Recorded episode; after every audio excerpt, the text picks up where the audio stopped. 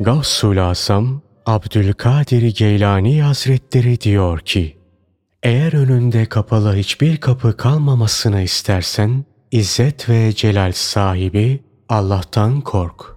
Zira hiç şüphe yok ki Allah korkusu her kapının anahtarıdır. Her kapıyı açar. Parana ve sebeplere asla güvenme, dayanma. Aziz ve celil olan Allah'a tevekkül et. Ona güven, ona dayan. Elindekine nasıl güvenip dayanırsın ki o her an için elinden gitmeye maruzdur. Aziz ve celil olan Allah'a güvenip dayanmayı nasıl bırakabilirsin ki o hiç zeval bulmaz. Her daim hasır ve nasırdır. Hiç işitmediniz mi?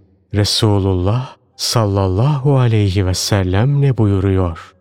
Kim ki insanların en şereflisi olmak isterse Allah'tan korksun.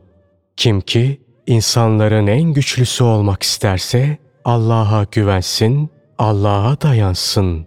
Kim de insanların en zengini olmak isterse kendi elindekinden çok Allah'ın nezdindekine bel bağlasın.